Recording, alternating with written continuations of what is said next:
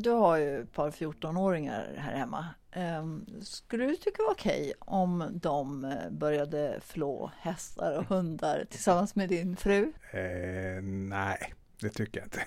det var så kul, kanske. Nej.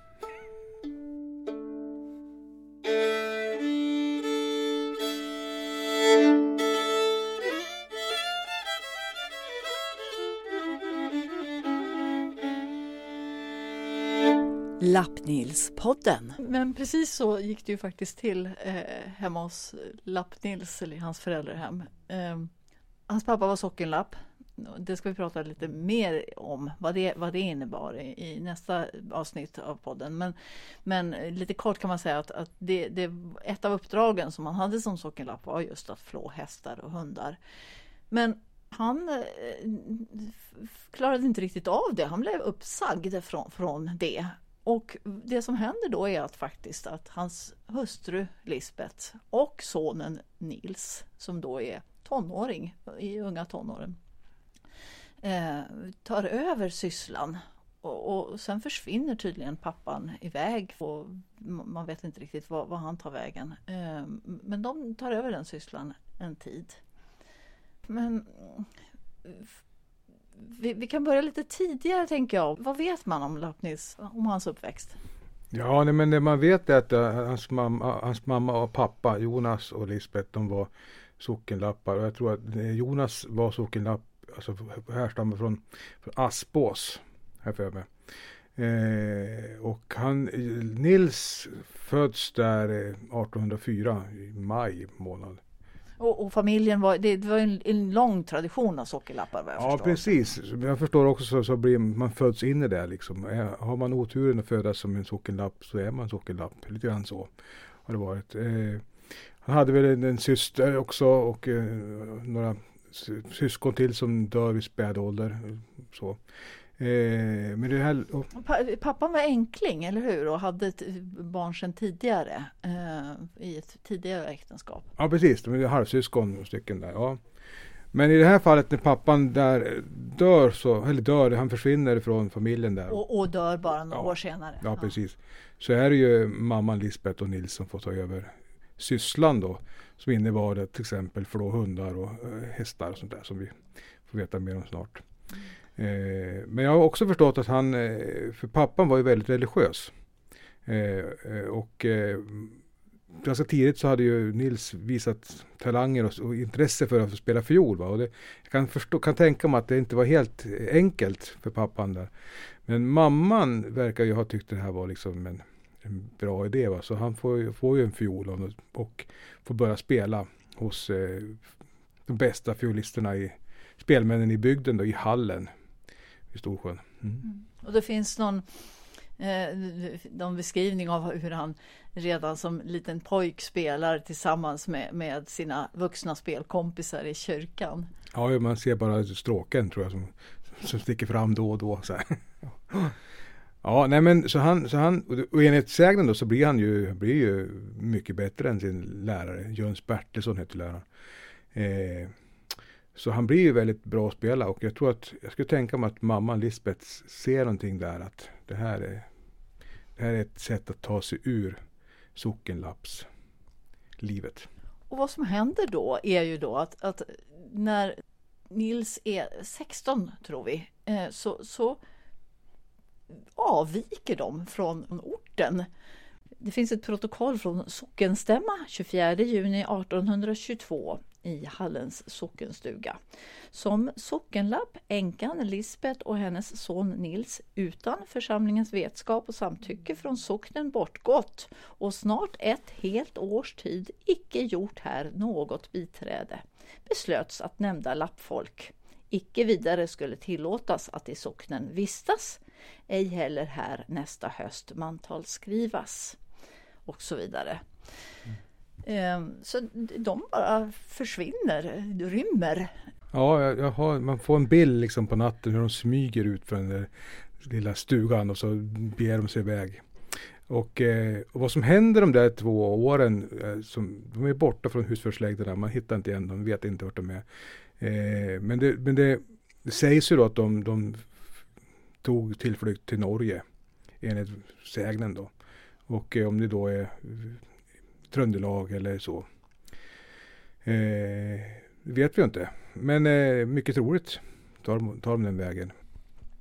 Du säger att det, att det finns mycket som tyder på att de var i Norge, säger du. Hur, hur då menar du? Ja, man kan ju märka liksom att det finns, det finns en hel del låtar som, som har rejäla släktskap med, med jämtlåtarna i Norge.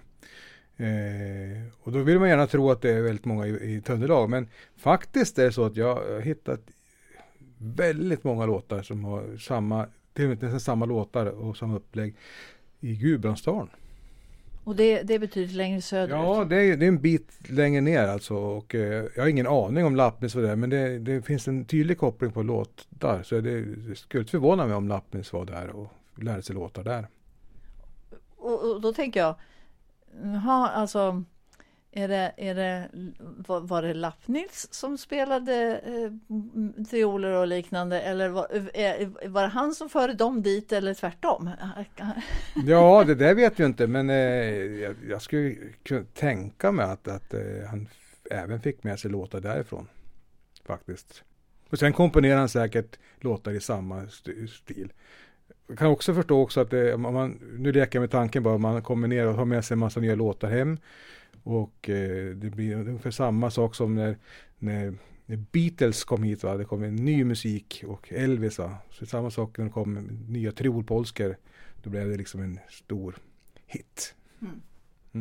Precis, men vad som är vad och vem som, vem som kom på det, det är sånt som man vet inte. Men, men, men, men, du har i alla fall, eh, man, hör, man kan höra mycket, mycket släck, besläktade låtar i, i bland annat Gudbrandsdalen säger du. Eh. Absolut. Och jag hörde faktiskt, eh, för ett tag sedan så hörde jag en inspelning med en, en fantastisk dragspelare ifrån Gudbrandsdalen. Eh, som heter Dag Gårdin. Och han, och han spelar flera, flera stycken sådana här låtar. Så jag tänkte det här är ju liksom en Lappnäs-låt. Eh, ska vi lyssna på en låt som han spelar? Det tycker jag absolut. Den här låten heter visst eh, Berit eh, Heilekven, tror jag. Och eh, den är en typisk Lappnäs-polska.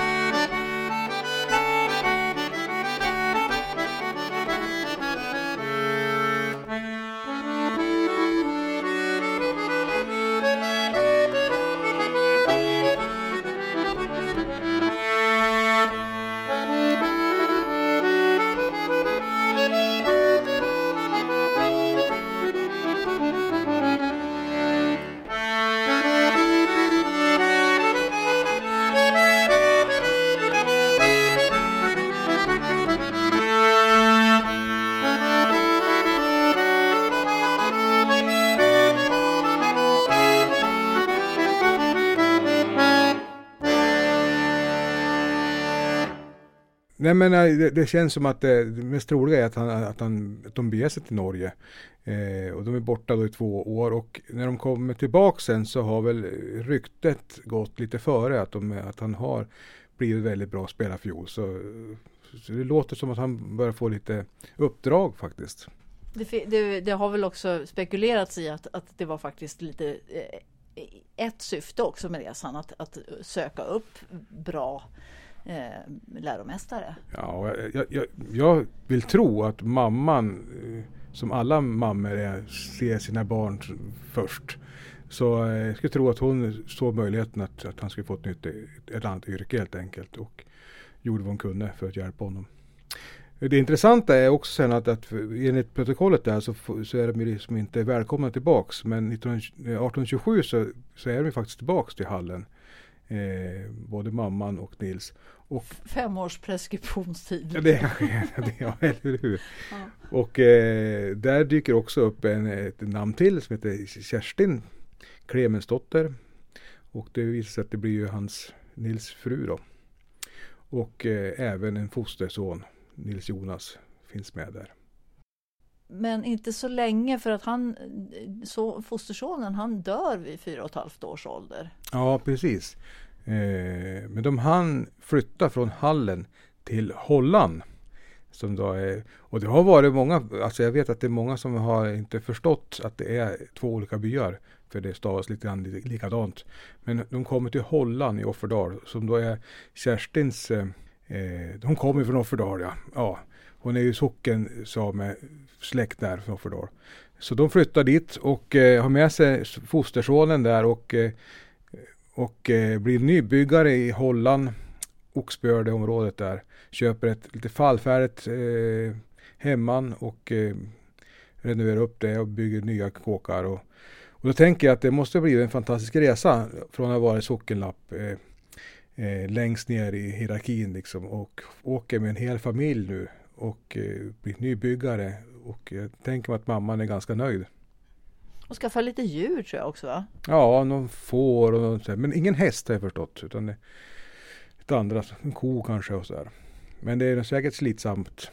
Men jag tänker ändå att det, det från att ha varit liksom helt eh, livegen till att bli sin egna bonde liksom.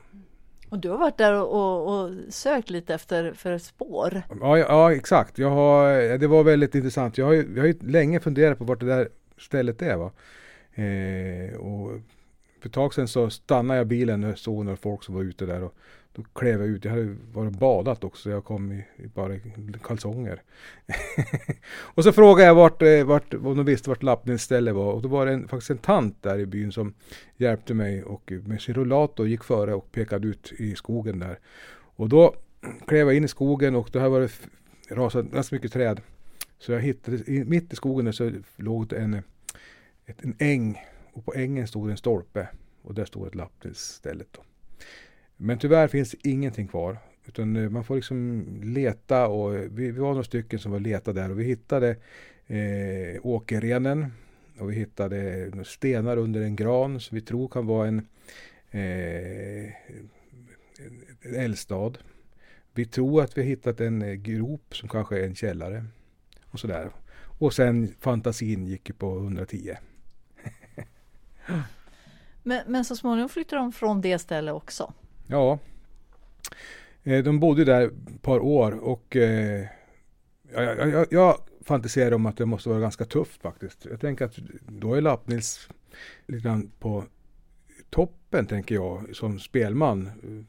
Pedaniel sig där och lär sig liksom sina första låtar. Och många elever kommer dit. Och, men samtidigt så har han ju temman och det, det ska ju jobbas. Och, och jag tror att han reste väldigt mycket i Lappnils då under åren. Och jag tänker att de miste även sitt barn. Fostersonen dör där och eh, eh, jag vet inte själv att det är tufft att vara kringresande musiker. Så jag tänker mig att då måste det vara fruktansvärt jobbigt. Och jag tänker att Lis eller Kerstin kanske var hemma mycket då, i och med att de hade djur.